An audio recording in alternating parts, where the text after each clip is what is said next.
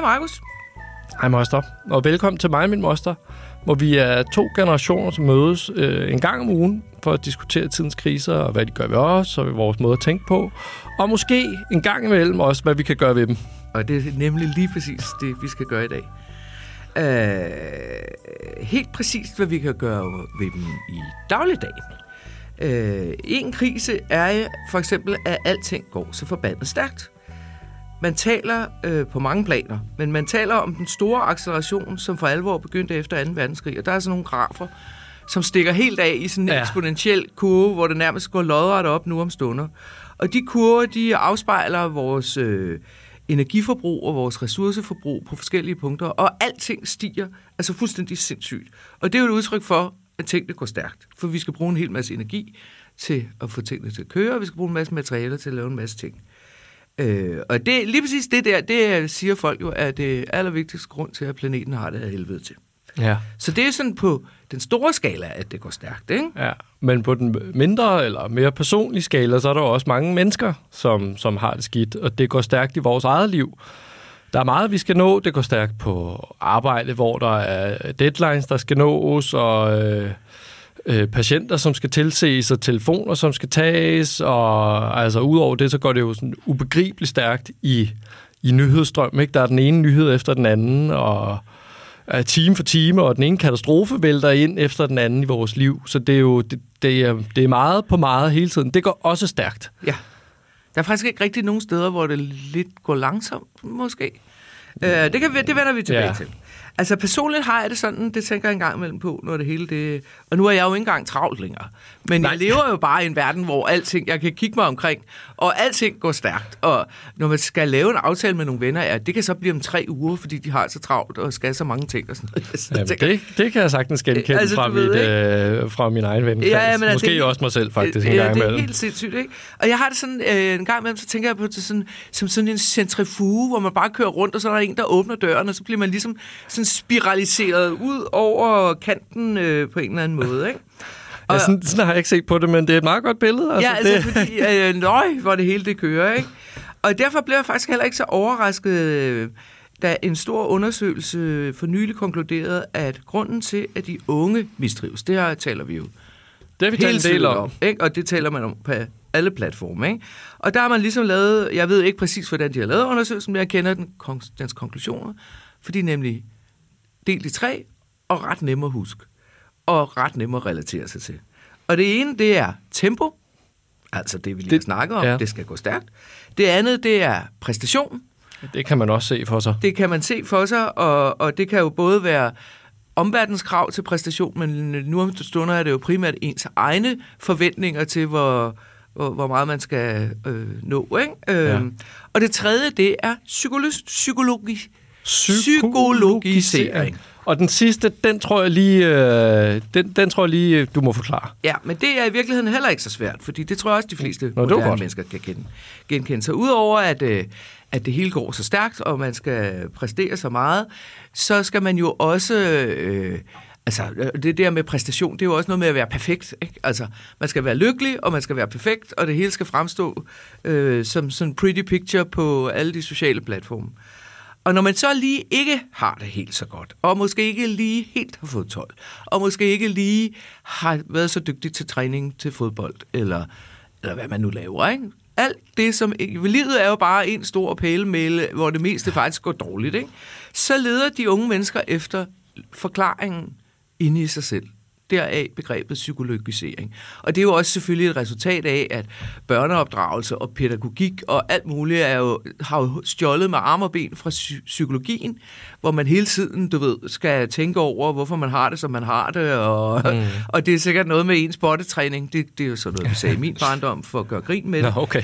Øh, fordi Freud havde engang hvis nok udtalt et eller andet om, at uh, hvis man, det var der, hvor man danner personligheden og ens tilknytningsforhold og alt det der halvøjs, man snakker om, når, når, man, når, man er baby. Øh, så, så, så der er jo gået sådan noget, der er også gået coaching, og alle skal have en coach og en mentor, og alle skal til psykolog, eller til psykoterapi, eller til mindfulness, eller et eller andet. Og hele det der kæmpe terapirum er jo så flyttet ind i de unges verden også, og derfor mener de hele tiden, at de skal kigge ind i sig selv, hvis de nu ikke er lykkelige nok. Øh, øh, eller perfekte nok, eller tynde nok, eller hvad det nu skal ja. være, ikke?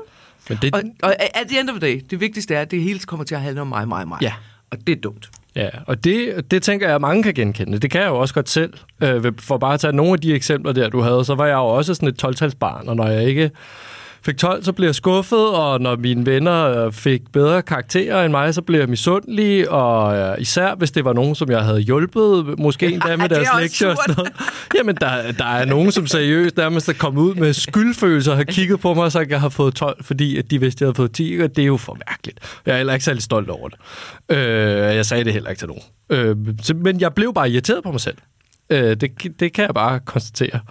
Øhm, og, og i, hvis vi skal tage en af de andre ting, så er jeg jo sådan, i citationstegn, så har jeg kæmpet med at være for tynd i min teenageår. Altså, det tror jeg, så, der er mange, der vil være misundelige på dig. Ja, over. det tror jeg også. Øh, men altså, jeg sled og slæbte for at få nogle muskler og noget fedt på min tynde krop, som jeg ikke kunne se. Jeg har nogle meget fremtrædende sådan kravben, som folk spurgte, hvad er det, de der, hvad, hvad er det du har, der stikker ud der?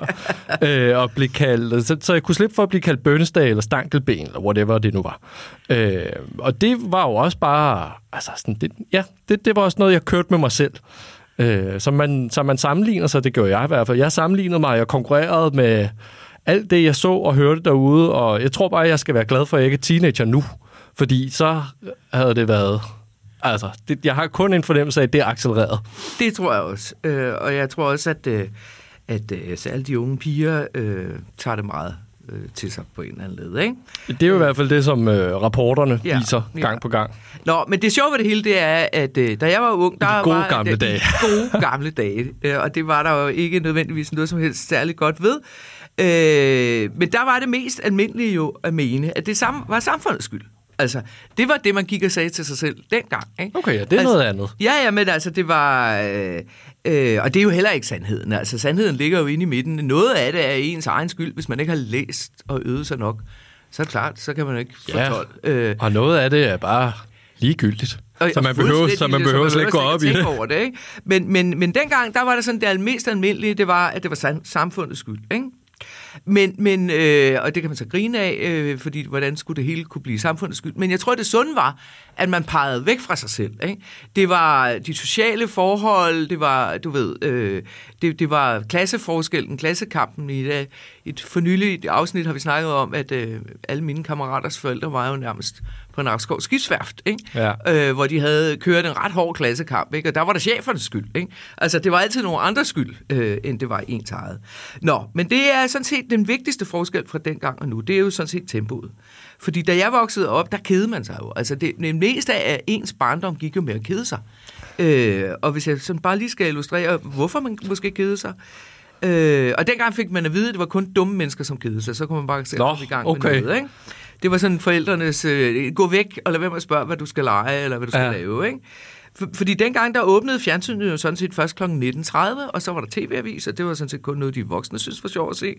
Så var der kun én kanal at kigge på, altså en dansk kanal. Nede på Lolland havde vi tre tyske, de åbnede lidt tidligere, men dem måtte jeg ikke se, øh, fordi oh. min mor synes ikke, man skulle sidde og se fjernsynet i løbet af dagen. Herinde øh, i Københavnsområdet, der har man jo så kunne se to svenske kanaler, men... Øh, oh. Men øh, ellers var der en dansk kanal, og det var øh, P, eller DR1, øh, og det hed den ikke engang, for det hed bare DR, og der var ganske få programmer i radioen. Altså det var sådan, at man så frem til, om onsdagen var der hitlisten. Så oh. var en time i radioen, hvor man kunne høre sådan øh, moderne oh, musik, ikke? Ellers så var det jo sådan noget dansk top og, og øh, sådan noget jazz og sådan noget, som jeg ikke interesserede mig for. Ikke? Men så kunne man få lov til at høre alle de store hits en gang om ugen, ikke? Når, der, når man hørte, at der var kommet en ny film, altså øh, sådan noget Exorcisten, eller de der kæmpe blockbusters, der var dengang, så, så, kunne, så kunne man jo høre om det, fordi at det, det, det, det blev jo officielt, og folk blev kørt væk i ambulancer, fordi de besvimede, fordi den var så, så vild øh, og sådan noget. Ikke? Og så gik man måske i et eller to år og ventede på, at den kom her til landet, og så gik den kun i biografen. Ikke? Øh. Og nu, de der, nu kører de forbi, altså nu ja, dropper de biografen ja, ja, og får det direkte ja. ud på streamingtjenesten. Ja, altså dengang var gaming jo slet ikke opfundet. Jeg var jo en stor og nærmest voksen pige, dengang der kom sådan noget på, på fjernsynet, hvor man, sådan et videospil, hvor man kunne mm. spille tennis med en bold, der kunne køre frem og tilbage. Ikke? Øh, Øh, så dengang, der måtte man altså selv finde på noget at lave. Man måtte læse en bog, eller lege med nogle øh, af sine kammerater, eller gå til noget sport, og måske spille et brætspil, hvis det gik vildt, ikke? Jamen, og det lyder kedeligt. så jeg kan godt forstå, at I kedet jer. Men altså, det spændende er vel, om I, om der var, om I trives bedre dengang. Det ved jeg ikke, om man kan... Altså, nu kommer der rapporter ud nu, som siger, at der er stor mistrivsel. Lavede man de rapporter dengang? Nej, men man kan jo se, at bare inden for de sidste 10 år, at den mistrivsel jo steget helt dramatisk. Ja, det er så rigtigt. Jeg, så, og jeg er ret sikker på, altså, jeg, jeg, vi har da sikkert mistrives, men det var jo det var jo ikke noget, det var ikke noget, man snakkede om. Alle kedede sig jo for helvede. Altså, ja, ja. Der var jo kun det, der var. Altså. Og så kunne man jo så gå, øh, gå på visit hos hinanden, hvis man var så heldig. Vi var jo heldige. Vi boede på en gård og havde en masse heste, og så kunne vi ride og, og, og have en masse kammerater der. Så jeg har været meget, meget... Øh, øh, hvad hedder det? Begunstiget. Begunstiget, det kan man roligt sige. Ja. Øh, så jeg skal ikke brokke mig. Ah, nej, og man kan sige, jeg har jo så vokset op virkelig i, altså, hvor accelerationen tog fat. Ja, altså, altså du, har, du, har, du, da du var helt lille, der gik det heller ikke så stærkt. Nej, der, jeg er født 92, så der... Øh, altså, men jeg kan huske, da mobiltelefonerne kom, ikke, hvor man så skulle konkurrere om, hvor mange øh, kontakter man havde i sin telefonbog der, men også hvor mange sms'er man så skrev på en dag. altså, sådan, så kan jeg huske, jeg kan ikke huske, hvad mit max var, men det var højt op, ikke? Så har det været sådan noget 250 sms'er, fordi så gik der sport i. Jamen, der kan man bare sige, at mennesket vil konkurrere, ikke? Ja, ja, og det er jo, apropos gaming, så er det jo, at man kunne spille endeløst. Jeg har jo haft weekender, hvor så var det det eneste, vi lavede, så vi sov måske i øh, 4-5 timer, og så gamede vi ellers lørdag og søndag bare... Ja, det, det gør jo ingen, mennesker jo også i dag. Ingen kedsomhed. Og så nu, så kan man jo få sit... Øh, så kom der jo de sociale medier, ikke? så kan du tænde mobilen og få et lille dopamin-rush med at finde ud af, Nå, hvad er det, der er sket? Er der sket noget derude? Der er jo sjældent sket noget på en eller anden måde, der er vigtigt. Men man får alligevel lyst til at gå derind øh, og lige se, hvad der sker. Øh, jeg har altid elsket at læse, også læse en bog, ligesom I gjorde dengang. øh, men jeg har... Det er der jo så trods alt også stadigvæk mennesker, ja, der. Ja, ja, ja. men det sjove er, øh, at jeg var nødt til sådan at genlære mig selv at læse for nogle år siden. Øh, fordi jeg simpelthen til sidst ikke kunne holde koncentrationen mere end i 10 minutter, så havde jeg lyst til at kigge på min telefon. Ja, jeg har også en ven, der har det på samme måde. Øh, det er simpelthen svært at blive siddende. Og, ja. øh, på et tidspunkt, selv jeg, som er så analogt et menneske, opdagede også, at øh, gud, øh, min, min opmærksomhed drifter væk nu, øh, mm. når jeg sidder med den her tykke bog. Og så er jeg simpelthen begyndt at gå en tur rundt om spisbordet, og så sætte mig og læse videre. Så det hjælper. Ja. Lige og, og så øh, gå videre, ikke? Ja, så det kræver, det kræver noget træning. Det er det. Nå, Nå. Vi, nu skal vi øh, Ja, vi skal i gang med, og vi skal, vi skal tale om, hvad, hvad der kan ske, når man keder sig. Og ja. mere præcis, så skal vi tale, eller, når man, eller vi, vi skal tale om, hvad der kan ske, når tempoet kommer ned. Øh, ja. Fordi man behøver faktisk ikke at kede sig. Men med, og mere præcist, så skal vi tale om et begreb, som jeg er fuldstændig besat af lige for tiden, nemlig tilværelsens irrationelle element.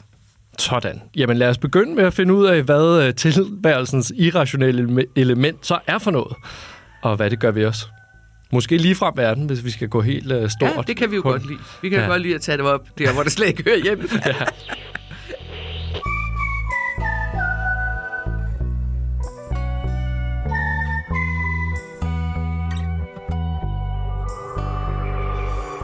Nå, men øh, lad mig starte med dronningen. For, for et par nytårstaler siden, så sagde hun, at hun ville opfordre til, til at man en gang imellem øh, simpelthen skal tage sig tid til at gøre noget, som er unyttigt. Og der kan jeg huske, at det resonerede virkelig godt hos mig.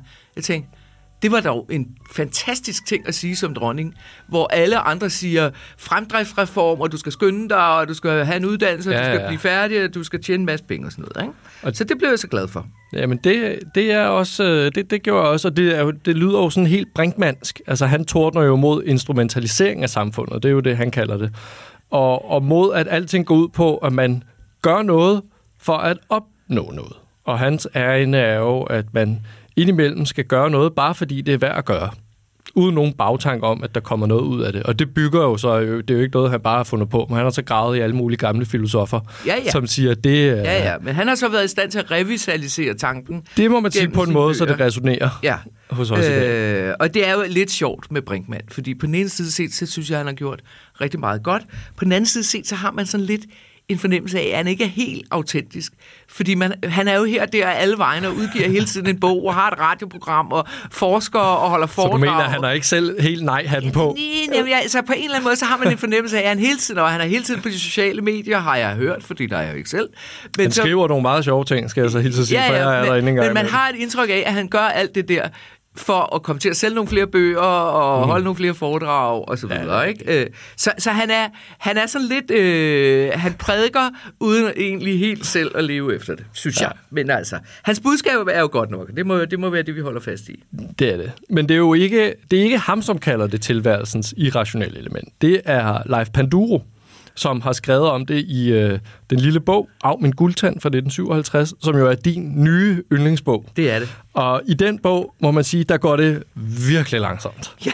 Jeg har, altså... læ- jeg har jeg nåede ikke at læse den hele. Jeg lånte den jo lige af dig, men så skulle du have den tilbage igen, fordi det er så meget din yndlingsbog. Men jeg nåede at læse en del af den, og det går altså hold op. Ja, der sker faktisk Der sker faktisk ikke øh, men, øh, Han skriver bare meget underholdende. Ja, ja, ja. Han var jo stor humorist og skrev revyer og øh, en masse tv-drama og en masse bøger. Altså, grund til, at jeg har den her lille bog, det er fordi, at det, dengang jeg studerede og ikke havde nogen penge, så kom jeg forbi sådan et antikvariat, hvor de havde, øh, altså jeg tror 10 af hans bøger, og jeg tror, man kunne købe dem for 5 kroner stykket eller sådan noget.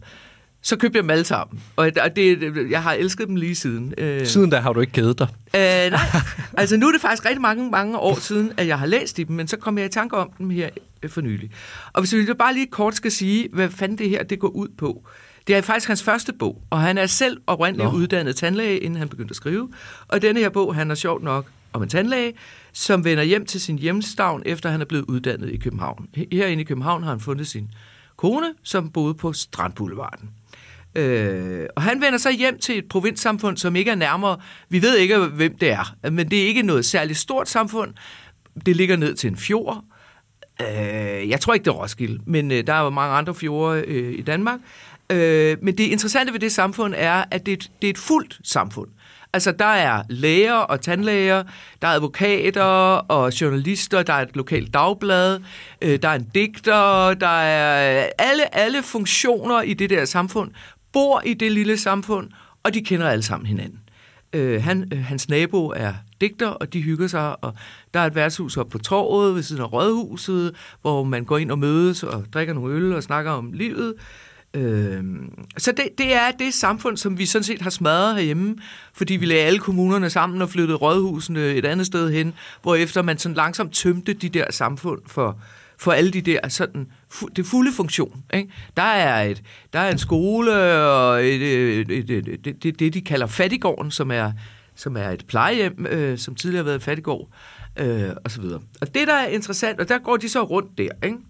Alle har alle kender alle, alle har en plads, inklusiv og, altså, det, vi har fået udraderet i det moderne samfund, nemlig originalerne. Altså, der er en mand, som, kører, som hele sit liv har kørt rundt på en knallert med en blikspand, som er spændt for den der knallert, og ingen må kigge ned i den blikspand. Og der går de vildeste rygter om, hvad manden har i den blikspand. Altså, han er jo åbenlyst en mand, som har en eller anden form for en diagnose, men det snakker man ikke om dengang. Der er han bare en original, som skal have lov til at være der. Og han fiser rundt på den der knallert med det der.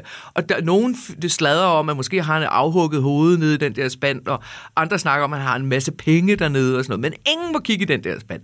Men han er accepteret, han er en del af samfundet. Han er jo åbenlyst et irrationelt element, som man har accepteret. Fordi han gør intet nyttigt. Han lever i sin egen lille verden, men han har sin plads. Øh, og det så er så spændende, det er, at i den her bog, så får, får vi så ganske langsomt får, får vi beskrevet, hvordan alle jo sådan set er forbundet med hinanden og opmærksomme på hinanden. For det går jo simpelthen så langsomt. Øh, og der, der er både godt og skidt med det, fordi der er også en masse sladder og en masse... Han beskriver, hvordan, hvor hurtigt sådan en sladderhistorie altså, i, i, i, altså sådan en, du ved, en fjer bliver til fem høns. Altså, han hører en sladder til at begynde med på dagen, og om slutningen, da han går hjem, så historien udviklet sig til noget helt vildt, ikke? Ja. Fordi alle bare går op og deler den der historie med hinanden. Men, men de er meget forbundet til hinanden, de er meget forbundet til stedets historie, Altså, der er en, en gammel galjebakke, der ligger ude for byen, og der er den der fattigård, som nu er blevet til et plejehjem. Der er, man ved, øh, om man har været i krig. Altså, der, der lokalhistorien fylder noget i deres hvad skal man sige, identitet og selvforståelse. Øh, de er forbundet med hver og vind. Altså, bogen slutter af med, at han, øh, han siger til sin kone, prøv at høre, smør nogle madpakker, vi skal ud til fjorden, for det er sommerens sidste dag. Og så mm. siger hun, ah, altså, nu må du stoppe, det er hedebølge, og øh, der, der, det kommer til at være sommer længe nu. Så siger han, nej, det er sommerens sidste dag. Så pakker hun nogle madpakker, og så tager de ud til fjorden med deres to drenge. Og så kommer alle hans gamle barndomskammerater og deres nuværende nabo stille og roligt trissende ud til nøjagtigt det samme sted, fordi det har man altid gjort på det sted. Og så slår de smut og løber om kap og sådan noget. Og ganske rigtigt, så kommer der kæmpe tordenvejr, når dagen er slut, og så er sommeren slut. Altså, så de har en forbindelse til omverdenen, de har en forbindelse til sig selv, de har en forbindelse til en, en gammel mand, der sidder på vejen, og lige pludselig så kan de alle sammen mærke, at de har det skidt, og så finder de ud af, at det er faktisk, fordi han sidder og ser rigtig ked ud af det.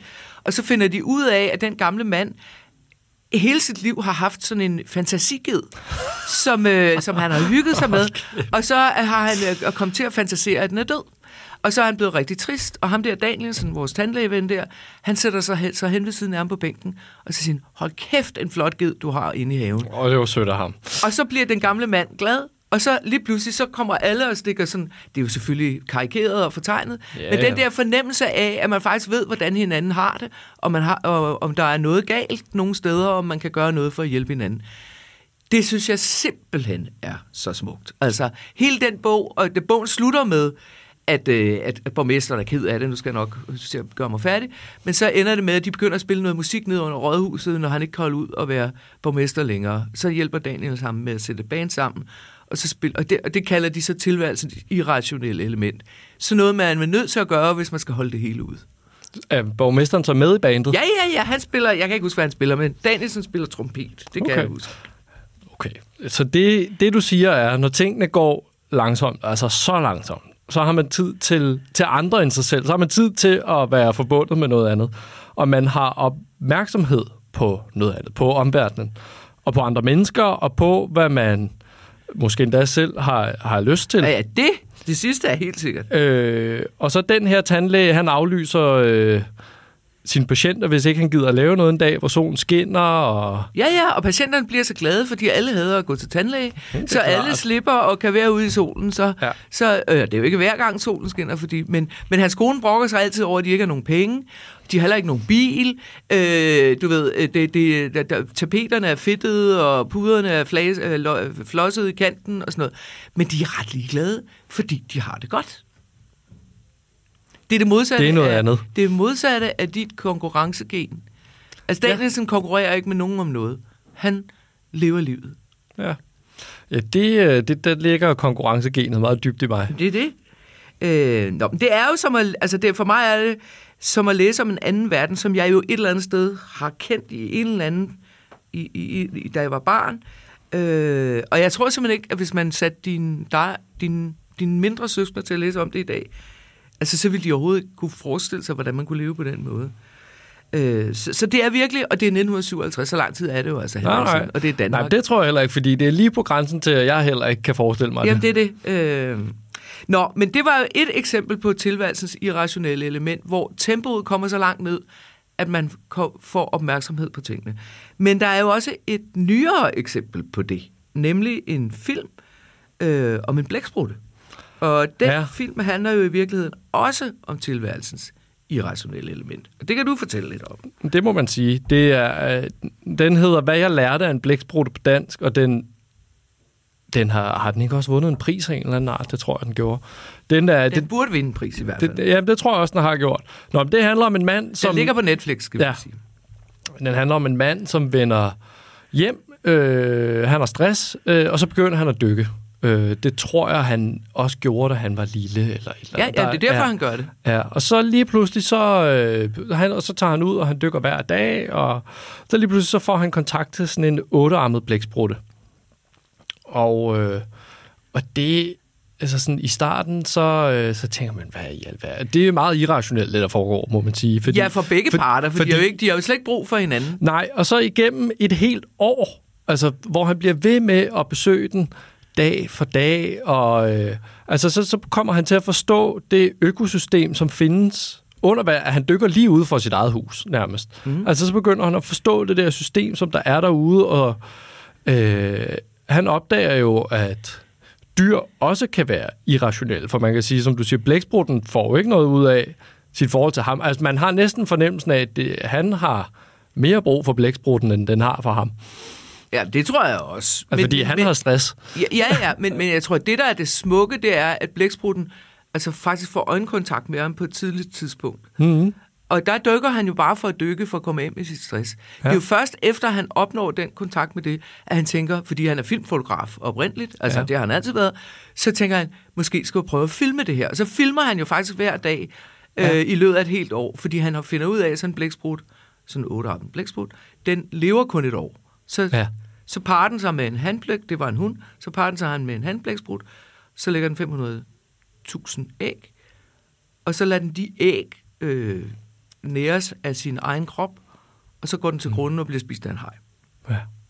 Og, det, og de opnår virkelig et meget tæt forhold. Altså, det er næsten sådan, men det er næsten et romantisk forhold, når man... Ja. Altså, det får man i hvert fald lyst til at læse ind i det. Det er det jo ikke.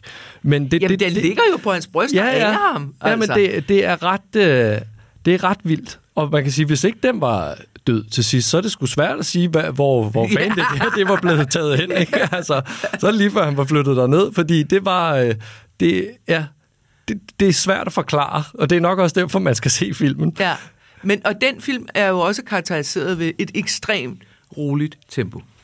Det må altså, man sige. hans speak, Øh, han, taler, han, han taler hen over en gang imellem simpelthen ham full face i, i ja, billedet. Han gør det samme hver dag, han tager derned. Der er også på et tidspunkt, hvor, at han, hvor jeg tror, han ikke kan finde den.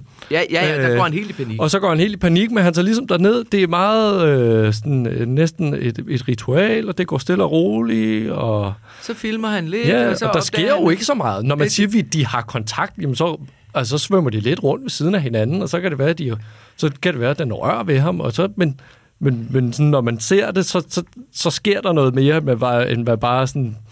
Ja, altså man må lave en, en del af historien op i sit eget hoved på en ja. eller anden måde, eller lytte til hans ord om det, ikke? Ja. Øh, men, men, og grunden til, at det her det er et, et fuldstændig altså fabelagtigt eksempel på, hvad tempo, nedsættelse af tempo og hvad forståelsen af det irrationelle element er, øh, det er, fordi han gør det for at komme ned i tempo. Han gør det ikke for at lave en film. Han er filmfotograf. Han har lige været i Afrika og filmet nogle, øh, sådan nogle, der kan finde spor og sådan noget.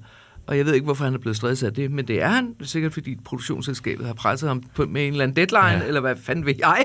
Øh, men han, han tager slet ikke derned for at filme. Han tager derned for at finde ro og komme sig ovenpå Ja, og jo finde tilbage til noget i sin barndom. Ja. Altså, der er mange øh, ja. øh, fine ting i ja. det. Ja, og han dykker også forskellige steder, før han finder den der. Det tager noget tid, før den der blæksprut kommer ind i billedet. Ikke? Men det er jo, det, hvis nu han havde tænkt, ah, jeg er god til at dykke, det gjorde jeg, da jeg var lille, jeg er filmfotograf, jeg tager mit kamera med ned under vand, så kan det være, at jeg kan lave en, en uh, naturfilm. Men det er ikke ja. det, han gør. Han, han tager ned det for slet, at dykke. Det er slet ikke sikkert, at han havde fået kontakt til den blæksprutte. For, hvis... Formodentlig ikke, fordi det, grunden til, at den forsvinder på et tidspunkt, det er faktisk, fordi han taber sit kamera. Ja. Øh, så den bliver bange for ham. Ikke? Så, så, der flyg, så der flygter tilværelsens irrationelle element. Ja, Altså, og det, det, det, det, der, det er virkelig et eksempel på, her er en mand, der gør noget, fordi det er værd at gøre for ham, fordi han kan mærke, at han, hans krop heler op oven på det der stresssambrud. Og så udvikler dette øh, gode, det der er værd at gøre, sig til noget andet, uden at der var nogen bagtank med det. Det synes jeg er fantastisk. Det er det også.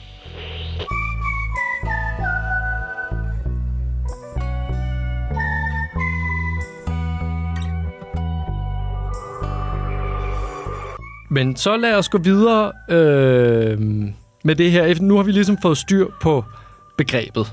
Øh, så lad os gå videre til, hvad, hvad er det, som det irrationelle, tilværelsens irrationelle element gør, gør ved os? Øh, tror, du, tror du, at det kan udspille sig i et højt tempo eksempelvis? Nej, jeg tror, det, det, det er faktisk det, jeg kom frem til. Jeg tror faktisk, at hele pointen er, at det skal gå langsomt. Og det tror jeg, fordi man simpelthen ikke kan nå at opdage de irrationelle elementer, hvis man styrter afsted for at nå alt muligt for at opnå alt muligt. Altså det der, at man skal nå noget for at opnå noget. Ikke? Altså, jeg, kan, jeg kender det fuldstændig fra mig selv. Jeg er på vej til et møde, Øh, jeg går ned ad gaden, jeg går altid, hvis jeg kan, øh, så går jeg altid til mine møder. Jeg er fuldstændig oppe Det er jo trods alt langsomt. Ja, men det forhindrer mig ikke i at skære mig omverdenen fra, men det er rigtigt, det er langsomt, og det er bedre end så meget andet. Men jeg kan øh, øh, eksportere mig selv fuldstændig op i hovedet, lukke alt andet ude og gå og tænke over, hvad skal jeg sige til det møde? Hvad vil jeg have ud af det møde? Øh, du ved, hvad er succesen? Hvad vil jeg have med hjem, øh, mm. hvis, jeg, hvis det er det? Øh, eller jeg kan gå og og tænke på, at nu skal vi lave en podcast, så går jeg og tænker på den podcast, og vi skal hjem og skrive ned, hvad noter til, hvad vi skal sige, og så videre. Eller det kan også bare være, at jeg går, så vi skal måske have gæster om aftenen og sådan noget. Så går jeg bare og tænker på, du ved, nu skal jeg ned i Netto, og så skal jeg over i Irma, for så kan jeg få det og det og det, og så skal jeg hjem og lave det og det og det, det kan jeg lige nu. Så, så opdager jeg ingenting. Altså, og jeg styrter afsted. Ikke? Øh, så jeg tror, at man er nødt til at komme ned i tempo, hvis man vil øh, opleve det irrationelle. Jamen, det, det tror jeg også på. Altså, man kan jo, øh, jeg kan jo også godt genkende det fra mig selv, når det Altså så laver hvis det er i, i, i arbejdsregi, så laver jeg også så laver jeg checklister, altså nærmest for hele ugen, ikke? Hvad skal der op? To do, bum, bum, bum. to do, ja. to do, to do. Ja, ja. Øh, kører det af, og så, altså der er ikke tid til meget andet der, eller hvis det er i weekenden, hvor man øh, skal være praktisk og have rengjort og have gjort dit, dut og dat, jamen, altså så bliver der lavet en checkliste for, hvad der lige skal ske i løbet af den der formiddag, og så, altså, så sker der ikke andet. Men, Men det, det, man laver jo et hamsterhjul for sig selv. Ja. Øh, og på nogle punkter, det, det har vi jo også talt om i sin tid med effektivitet, på nogle punkter giver det jo mening, hvis det handler om rengøring. Så, ja, vi, så, så, kører, så kører jeg ind i det hamsterhjul, og så kører jeg hurtigt, og så kommer jeg ud igen. øh, men, men det kan jo også være helt ned til en samtale, hvor at man jo kan have travlt med netop at tænke over, hvad skal jeg sige nu? Og så glemmer man at lytte til, hvad den anden person siger, fordi man, er så, man har så travlt med at formulere sine egne sætninger. øh, så det, det, det kan jeg sagtens se. Nå, men nu skal vi prøve at høre, hvis vi skal finde ud af, hvad det gør ved os, ikke? Ja. så skal vi jo prøve at finde ud af, om vi overhovedet har nogle irrationelle elementer i vores liv. Har du nogle irrationelle elementer i dit liv? Ja, altså det, jeg ved ikke, om det er mange, men det er at få et barn er jo at skyde en masse irrationalitet ind i sit liv. øh, fordi at øh, og min søn er lidt over et år nu, og han kan jo ikke forholde sig til, hvad vi og er i øvrigt ligeglade med, øh, hvad vi andre skal nå. øh, og alle de der ting. Så det er jo altså konstant i løbet af en dag, så er det jo... Så, så, kan så går man, det bare langsomt. Så går det, det går bare super langsomt. Det taler man jo ikke så meget om. Hvis man er alene med et barn, så keder man sig jo. Altså, det, der går en halv time, og så kan du ikke længere, i hvert fald i den alder, Altså, så kan det være, at du har skubbet, så har jeg skubbet ham på en gynge, eller også så sidder vi og putter ting ned i en kasse, og det, det, det er svært at holde. Altså, så drifter ens opmærksomhed. Så, og så kan der lige pludselig ske noget. Så tager han en skål på hovedet, og synes, det er det mest sjove i verden, og så græder jeg af grin. Men meget af tiden, så er det super kedeligt, og det er det, fordi jamen, jeg, så kan man sige, at det store hele, så er det en del af hans opdragelse. Det er svært at få øje på, når man har siddet der og puttet ting i en skål på tredje time. Øh, så, så, det, så der er jo en masse irrationalitet, og det har jeg også kunne mærke. Altså sådan, at det, har, det sætter tempoet ned, og det har været, og det tvinger det ind til, og det er faktisk meget rart, fordi nogle gange kan det være svært, for mig i hvert fald, at sige sådan, nu skal jeg lade være med at jeg har sågar lavet sådan en kasse, hvor jeg kan lægge min telefon i, for så kan den komme i bur. Fordi ellers så er det svært for mig så at styre. Så du den hele tiden. Øh, og så er der sådan noget som min... Så klatrer jeg, og jeg klatrer med min lillebror. Øh, det, det gør vi heller ikke for op... Jeg, vi konkurrerer jo ikke i klatring. Jeg har heller ikke nogen ambition om at gøre noget. Mario er allerede meget bedre end mig. Det har jeg det helt fint med. Øh, hvilket jeg normalt... Men kan, konkurrerer han med dig, eller gør han det med sig selv? Øh, nej. Er det sådan lidt sendagtigt at klatre, eller hvad? Det er det. Det er jo som at løse sådan en gåde med sin krop -agtigt. Det, øh, det er meget sendagtigt. Man skal jo forstå væggen, og man skal forstå sin krop, og hvordan, og det kan jo være lige fra, om du bruger pegefingeren i stedet for tommelfingeren, så kan du komme op. Det er meget sådan sendagtigt. Og øh, ja, der er jo nogen, der konkurrerer i det. Der er også nogen, der gør elitesport ud af det. Så jeg tror, det er mit forhold til det, som står i skærende kontrast til mit forhold. Til alt det andet, du har lavet? Til uh, alt min øh, øh, elite-fodboldsport. Det, det, var, det var noget helt andet. Ja. Så er der klaver. Det, altså, jeg har jo aldrig lært, at jeg spiller klaver forkert, fordi jeg aldrig har gået til det forkert. Altså håndstilling, og jeg kan ikke læse noder og alt sådan noget. Så når jeg spiller, bare klimter. Så når jeg sidder der, så sidder jeg og klimter, og jeg sidder og klimter for mig selv. Og det er også... Nogle gange så er det også kedeligt. Så kan der gå flere måneder, hvor jeg ikke spiller, fordi jeg har ikke noget at spille. Og det, der kommer ikke noget frem, så spiller jeg ikke. Og så kan det komme tilbage. Og sådan har det været i jeg har spillet nu i 14 år. Mm. Og sådan startede det også. Det mm. startede som sådan en modpol til min fodbold. Jeg nægtede at gå til klaver. Det skulle bare være sådan noget, jeg hyggede mig med. Og derfor har det også taget helt vildt lang tid for mig at blive god til det. Ja, ja. Det har været meget... Og du er måske ikke engang helt god til det endnu, eller hvad? Ja, ja, det du sagde selv, at du ikke kunne det hele endnu. jeg kan heller ikke. Jeg kan noget. Jeg kan til, hus, til husbehov. Øhm, ja. Så, det, så jeg har der nogle ting. Ja. Altså, jeg vil gerne fremhæve mine, et, mit... Og det er noget, det er virkelig blevet en stor ting i mit liv her nu, hvor at, øh, at jeg ikke længere har travlt. Så, så, så tvinger jeg mine øh, gode venner, jeg har rigtig mange kloge venner, øh, heldigvis, øh, kreative, sjove, originalt tænkende folk, som er gode til at samtale. Vi har været inde på det før. Jeg er meget optaget af samtalen.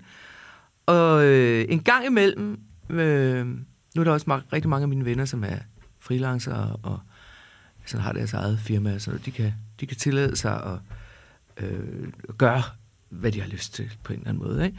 Og, øh, og, og, og jeg er simpelthen så heldig, at jeg har fået skabt sådan et rum, hvor at de har lyst til at komme og snakke med mig, uden at vi ved, hvad vi skal snakke om. Altså, vi ved, vi ved simpelthen ikke, hvad vi skal snakke Hvad siger om. du så i invitationen? Ja, Kom over skal, og snak. Nej, vi skal bare... Skal vi ikke mødes og drikke en kop kaffe? Ja. Og så ved de godt, at så... De ved 100% sikkert, at vi skal tale om noget, fordi det er det, vi gør. Vi taler ikke om nogen, eller, eller hvad vi oplevede i går og sådan noget. Det, vi, vi kommer som regel til at ændre en film eller en bog, eller man har været på kunstudstilling, eller, eller, eller man har, du ved, et eller andet, øh, øh været på en eller anden rejse, eller, altså, hvor, man, hvor, hvor man har fået en, en eller anden forestilling om en ny idé, en ny koncept, en ny måde at se tingene på og sådan noget. Men vi ved det ikke på forhånd. Jeg ved jo ikke, om de har læst nogen som helst bøger. Der er, du en, tager chance. der er en af dem, jeg ved, han har altid læst en bog. Ikke? Men, øh, men der er mange af de andre, der ikke har. Men så har de oplevet noget andet, eller tænkt over noget andet, eller været udsat for et eller andet, som gør, at det, at det kan bringe et eller andet op. Men, men det er, jeg kan godt mærke på dem, at jeg, jeg tror, jeg er den, der jeg gør det. Øh, altså, de siger altså, at det, det, det, vi gør der, det er noget, de gør med mig. Mm. De gør det ikke med nogen andre. Men, øh, men jeg gør det jo med øh, næsten alle mine venner, så jeg gør det jo hele tiden. Ja. Øh, eller det gør jeg jo ikke, for det, men, men altså, jeg gør det mange gange om ugen. Ja. Øh. Men det er jo også det er jo sådan samtalen for samtalens skyld, og det ja, lyder jo der, som... Jeg, sådan jeg vil ikke have noget ud af det. Og nogle ja. gange, så kommer der heller ikke en skid ud af det. Altså, fordi så har det bare været super hyggeligt. Altså, ja, ja. Øh, så har vi måske øh, snakket politik eller et eller andet. Det kommer der ikke en skid ud af, kan man sige. Vel? Nej. Øh, men, men, øh, men så har det bare været super, super hyggeligt. Og man kan aldrig vide det. De kan heller ikke vide det. Og, og her i... Øh, havde en meget fantastisk samtale den her uge med, med to af mine venner, som, hvor han sagde, hold kæft, da han gik, så, de, vi havde været sammen i to timer, os tre mennesker, oppe ved mit store langbord i køkkenet, uh, og så sagde han, da jeg tog herind, så vidste jeg seriøst ikke, hvad vi skulle snakke om. Og nøj, hvor har vi været meget uh, igennem, ikke? Uh, ja. uh, og, og det var ikke fordi, de skal sådan set ikke uh, bruge det til noget. Uh, lige præcis den samtale, den kan jeg bruge til rigtig meget fordi at jeg er ved at skrive på øh, det, som den her podcast skal udvikle sig til, nemlig The Story of More, og det vil vi vende tilbage til. Øh, så det fik jeg dem til at tale med mig om, og det var skønt. Det er skønt, og det er jo... Altså det, som vi også er ved at nå frem til, er jo, at noget så fundamentalt som nysgerrighed, det er jo igen kræver tid, og det kræver et rum, hvor at øh, man ikke nødvendigvis behøver at opnå noget. Ja. Altså, sådan, det, det, det, kræver, det kræver den form for tålmodighed. Øhm, altså, det er lidt ligesom grundforskning. Ja, det er det. Øh, altså, hvor man undersøger noget bare for at undersøge det. Ja. Og man ved ikke, om man kommer, kommer frem til noget, om det kan bruges til noget, det man frem til, kommer, eller det hele det fejler. Øh, og det synes jeg simpelthen er så smukt. Øh, og vores øh, nylige Nobelprismodtager i kemi, han fik Nobelprisen sidste år i kemi, han er dansker, han siger nemlig grundforskning, det kan, han bliver spurgt, kan du, øh, gik du efter at få Nobelprisen? Så siger han, det kan man ikke. Man får ikke Nobelprisen, hvis, hvis man har en ambition. Man får Nobelprisen, hvis man bliver ved med at være nysgerrig. Og hver gang der opstår noget, man ikke kan forstå, så graver man sig længere ned i det, længere ned i det, længere ned i det. Meget smukt. Det er meget smukt. Så... Nå. Grundforskning er en fantastisk ting. Så kan man sige, det der står i modsætning til grundforskning. Det er jo sådan set elitesport. Altså, hvor man udsætter sig selv for alverdens prøvelser og skal tidligere op om morgenen hver dag og spise sundt og afstå fra alkohol og fester og gang i gaden. Og, altså et ja. fuldstændig ekstremt regime, hvor man er fuldstændig 100% fokuseret på at nå et bestemt mål, nemlig en guldmedalje, øh, eller mm. øh, OL-medalje, eller hvad, ja. hvad nu, sådan noget, ikke? Altså, øh, altså og det er, jo, det er jo i princippet en, en, et paradoks, fordi sport er jo principielt irrationelt, altså som udgangspunkt. Man, man spiller ja, man... bold for at have det sjovt. Ja. Altså, ikke for noget som helst. Så på et tidspunkt, så begynder man at sige, vi kan spille mod hinanden, og så bliver det mere og mere og mere sådan øh, professionaliseret, kommercialiseret, og så bliver det lige pludselig til noget, hvor det irrationelle er blevet 100% rationelt, fordi alt handler om at komme først, eller spille, spille score flest mål, eller hvad det nu er, ikke? Alt efter, hvad for en sportsgren vi er Det er nemlig det. Ja. Ja, ja, men det er jo... Øh, nu, nu nåede vi lige at tale lidt om mit forhold til, til elitesport, og jeg, det har vi også nævnt før. Jeg spillede fodbold, og jeg gjorde det på eliteniveau i en del år, og det er jo sådan noget, hvor det er fem, seks gange om ugen, og hvor det er alt, hvad det handler om. Ja. Øh, og jeg troede jo aldrig, at jeg ville dyrke sport, hvis ikke det var på eliteniveau. Det gik jeg jo og fortalte mig selv, og jeg var jo... Øh, jeg tror også, det, der er jo virkelig mange unge, som bliver opereret for ting, hvor man tænker, jeg var i fuld narkose som 14-årig, for at blive opereret for på, at komme på tilbage. Grund af en skade. På grund af en skade i min tog, som jeg stadigvæk, jo, så, hvor jeg så gik tilbage og spillede på den, og nu er jeg blevet opereret igen så midt 20'erne, hvor de sagde, det er godt nok mærkeligt at få lavet den samme operation to gange i din alder, eller når du er så ung. Men det gjorde jo, fordi at jeg var skrækslagen for, jeg elskede at spille fodbold, og det, øh, altså sådan, og jeg savner det også den dag i dag, men jeg tænkte simpelthen, jeg er nødt til at dyrke sport, og jeg kan ikke se mig selv dyrke sport, hvis det ikke er på eliteplan. Lige indtil, at jeg, lige indtil jeg så rent faktisk gjorde det. Øh, og så var det bare jeg, jeg blev så tvunget ud af det på grund af en skade, og så blev jeg lidt træner, og så gik der nogle år, og så gik jeg tilbage, og så spillede. Så mødtes vi alle fra min gamle klub B1903. Vi havde alle sammen været ude og prøve os selv af. Der var kun en, der kom i Superligaen. Alle os andre. Vi, øh, vi mødtes og sagde, nu har vi prøvet det. Skal vi ikke bare mødes og hygge os? Gang om ugen. Øh, og så startede vi sådan en lille hold op og hyggede, og vi gik, altså, og det kan man jo også se, hvis man nogensinde kører forbi en fodboldbane, hvor der render nogen rundt og ser lidt afdanket ud. Altså, de går jo lige så meget, hvis ikke endnu mere op i det. øh, og, men, men de men, gør det kun for at have det sjovt. Men man gør det for at have det, for at have det sjovt. Hvis ikke man kan den dag, så her Gud. Altså, hvis ikke ja. vi rykker op i serie 4, så går det nok også. øh, så det, det fandt jeg jo heldigvis ud af. Men det lå meget, meget dybt i mig. Ja.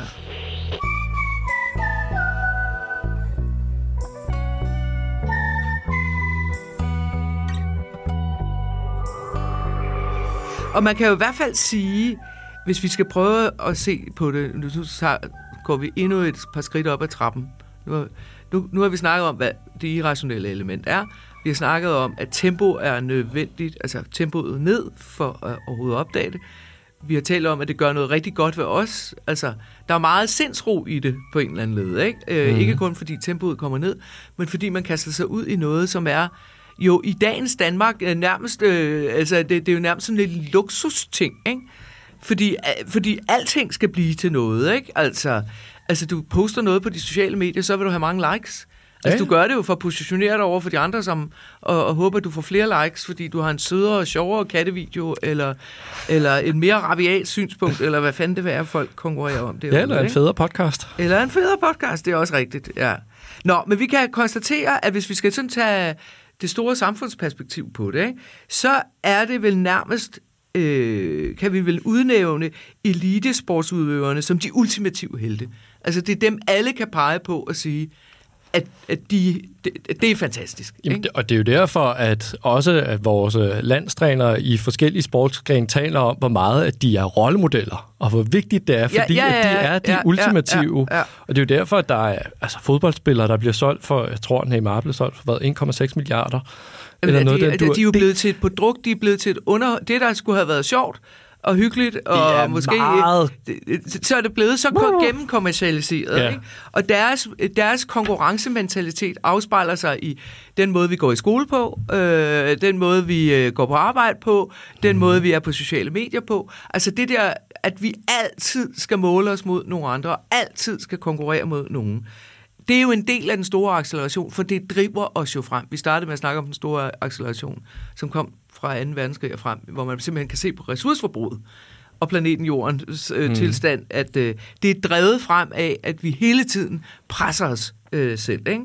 Øh, så vi lever en historiefortælling, hvor tempo og præstation er det eneste, som tæller. Mm. Øh, og hvis man ikke kan leve op til det, så er det sådan set ens egen skyld. Ikke? Det var den der Ja, og det er der, hvor det begynder at gøre ondt.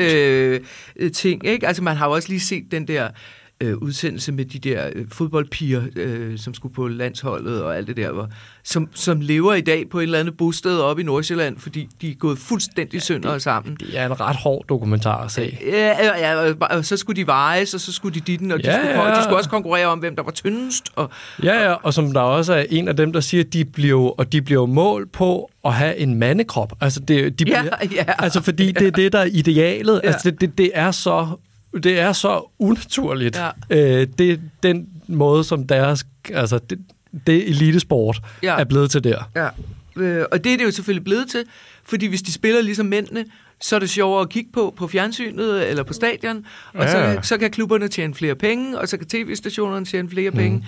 Altså, og jeg synes, at det er, det er ret vildt det her med, at når, når tilværelsen ikke har noget irrationelt element, så ender man med at blive et produkt. Altså, konkurrencen, ja. altså du er et produkt, det har vi også snakket om før, men på sociale medier er du jo et produkt øh, for, for, for tech-giganterne, fordi de høster... Øh, de høster vores data, og det kan de sælge til nogle andre. Ja, så, så, så det, at du konkurrerer med dine veninder og venner, og hvem du nu konkurrerer med, om at få flest likes, mm.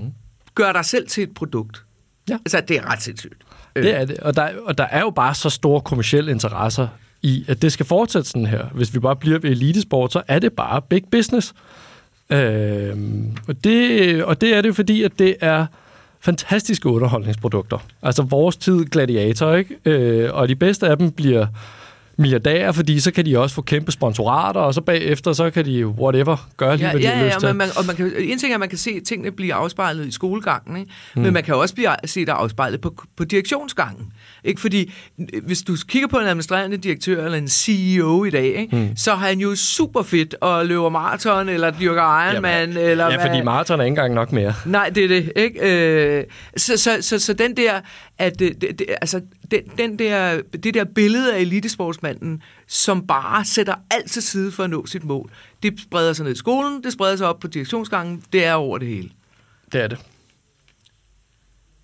Og så bliver det kommercialiseret, mm. og så ejer... Øh, Katar eller Saudi-Arabien eller, eller, eller en eller anden, øh, eller Putin, eller hvad fanden ja, vil jeg? Det er, altså... det er ret altså- vildt. Altså man kan sige, der er jo både nogle sponsorater, hvor det, de er over det hele, men der er jo netop også en masse øh, hvis nu kan vi kan kalde dem oliestater, eller hvad vi end skal kalde dem, som har købt sig ind i klubber bevidst for at sportswashe, som det hedder.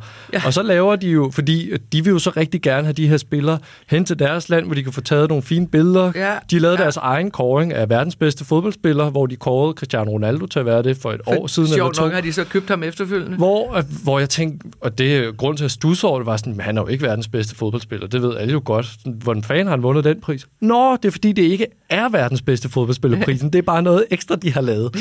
øh, og det er jo... Jeg har også nogle tyske venner, som også er sådan, de hader jo, at Red Bull har opkøbt. Øh... Jamen, det troede jeg slet ikke, man må, måtte i Tyskland. Jeg troede, der var sådan en lov imod, at, øh, mod, at, at klubberne blev alt for kommersialiseret. Ja, det ved jeg sgu ikke, hvad de har gjort. Men de har ja, gjort Red det. Red Bull har snedet sig ind. Øh, de kan jo ikke fordrage det, og det er jo det samme i England, hvor der jo også er simpelthen så mange klubber, der er blevet købt. Jamen, ja, øh. der var et eller andet forleden dag, hvor man bare tænkte, okay, altså... Ja. Jamen, Newcastle er den seneste. Ja. Og man kan jo se, at så øh, Newcastle har altid ligget og bøvlet ned i bunden af ligaen i meget, meget lang tid. Så er de blevet købt for, hvad er det, et år siden, og nu begynder de at komme op i toppen, og det er jo... Øh, men ja, og jeg tror, fansene er splittet. Det, det, det er de stadigvæk. Ja, ja, ja. Men vi bliver jo... Altså, vi ender jo med at se det alligevel, eller flertallet gør i hvert fald, ikke? Altså, jo. fordi at det der, når, når tingene bliver så hårdt kommercialiseret, og så alting har et form, så, så, så er det jo lavet på en måde, så vi synes, det er fedt. Altså, ja, desværre. Øh, sådan er det. Så er det meget Nå, underholdende. Men nu skal vi snart til at slutte. Det skal vi. Det har været en lang podcast. Det har nemlig været en lang podcast, men det er også et super vigtigt emne. Det er det. Øh, fordi at... Øh, vi kan kun opfordre jer til at prøve låse jeres telefon inde, og så prøve at dyrke, dyrke tilværelses irrationelle element. Jeg vil sige, det virker nogle gange. øh, Altså, og hvor man lige pludselig opdager, nu er der ikke nogen originaler tilbage, det er også forfærdeligt, men hvis der nu kører den skør original rundt på en knallert med en ja. på, at man accepterer, at han har også lov til at være her, øh, og han måske kan, kan få en, give os en anden vinkel på samfundet. Ja. Det synes jeg er så smukt. Det er det. Tak for i dag. Tak for i dag.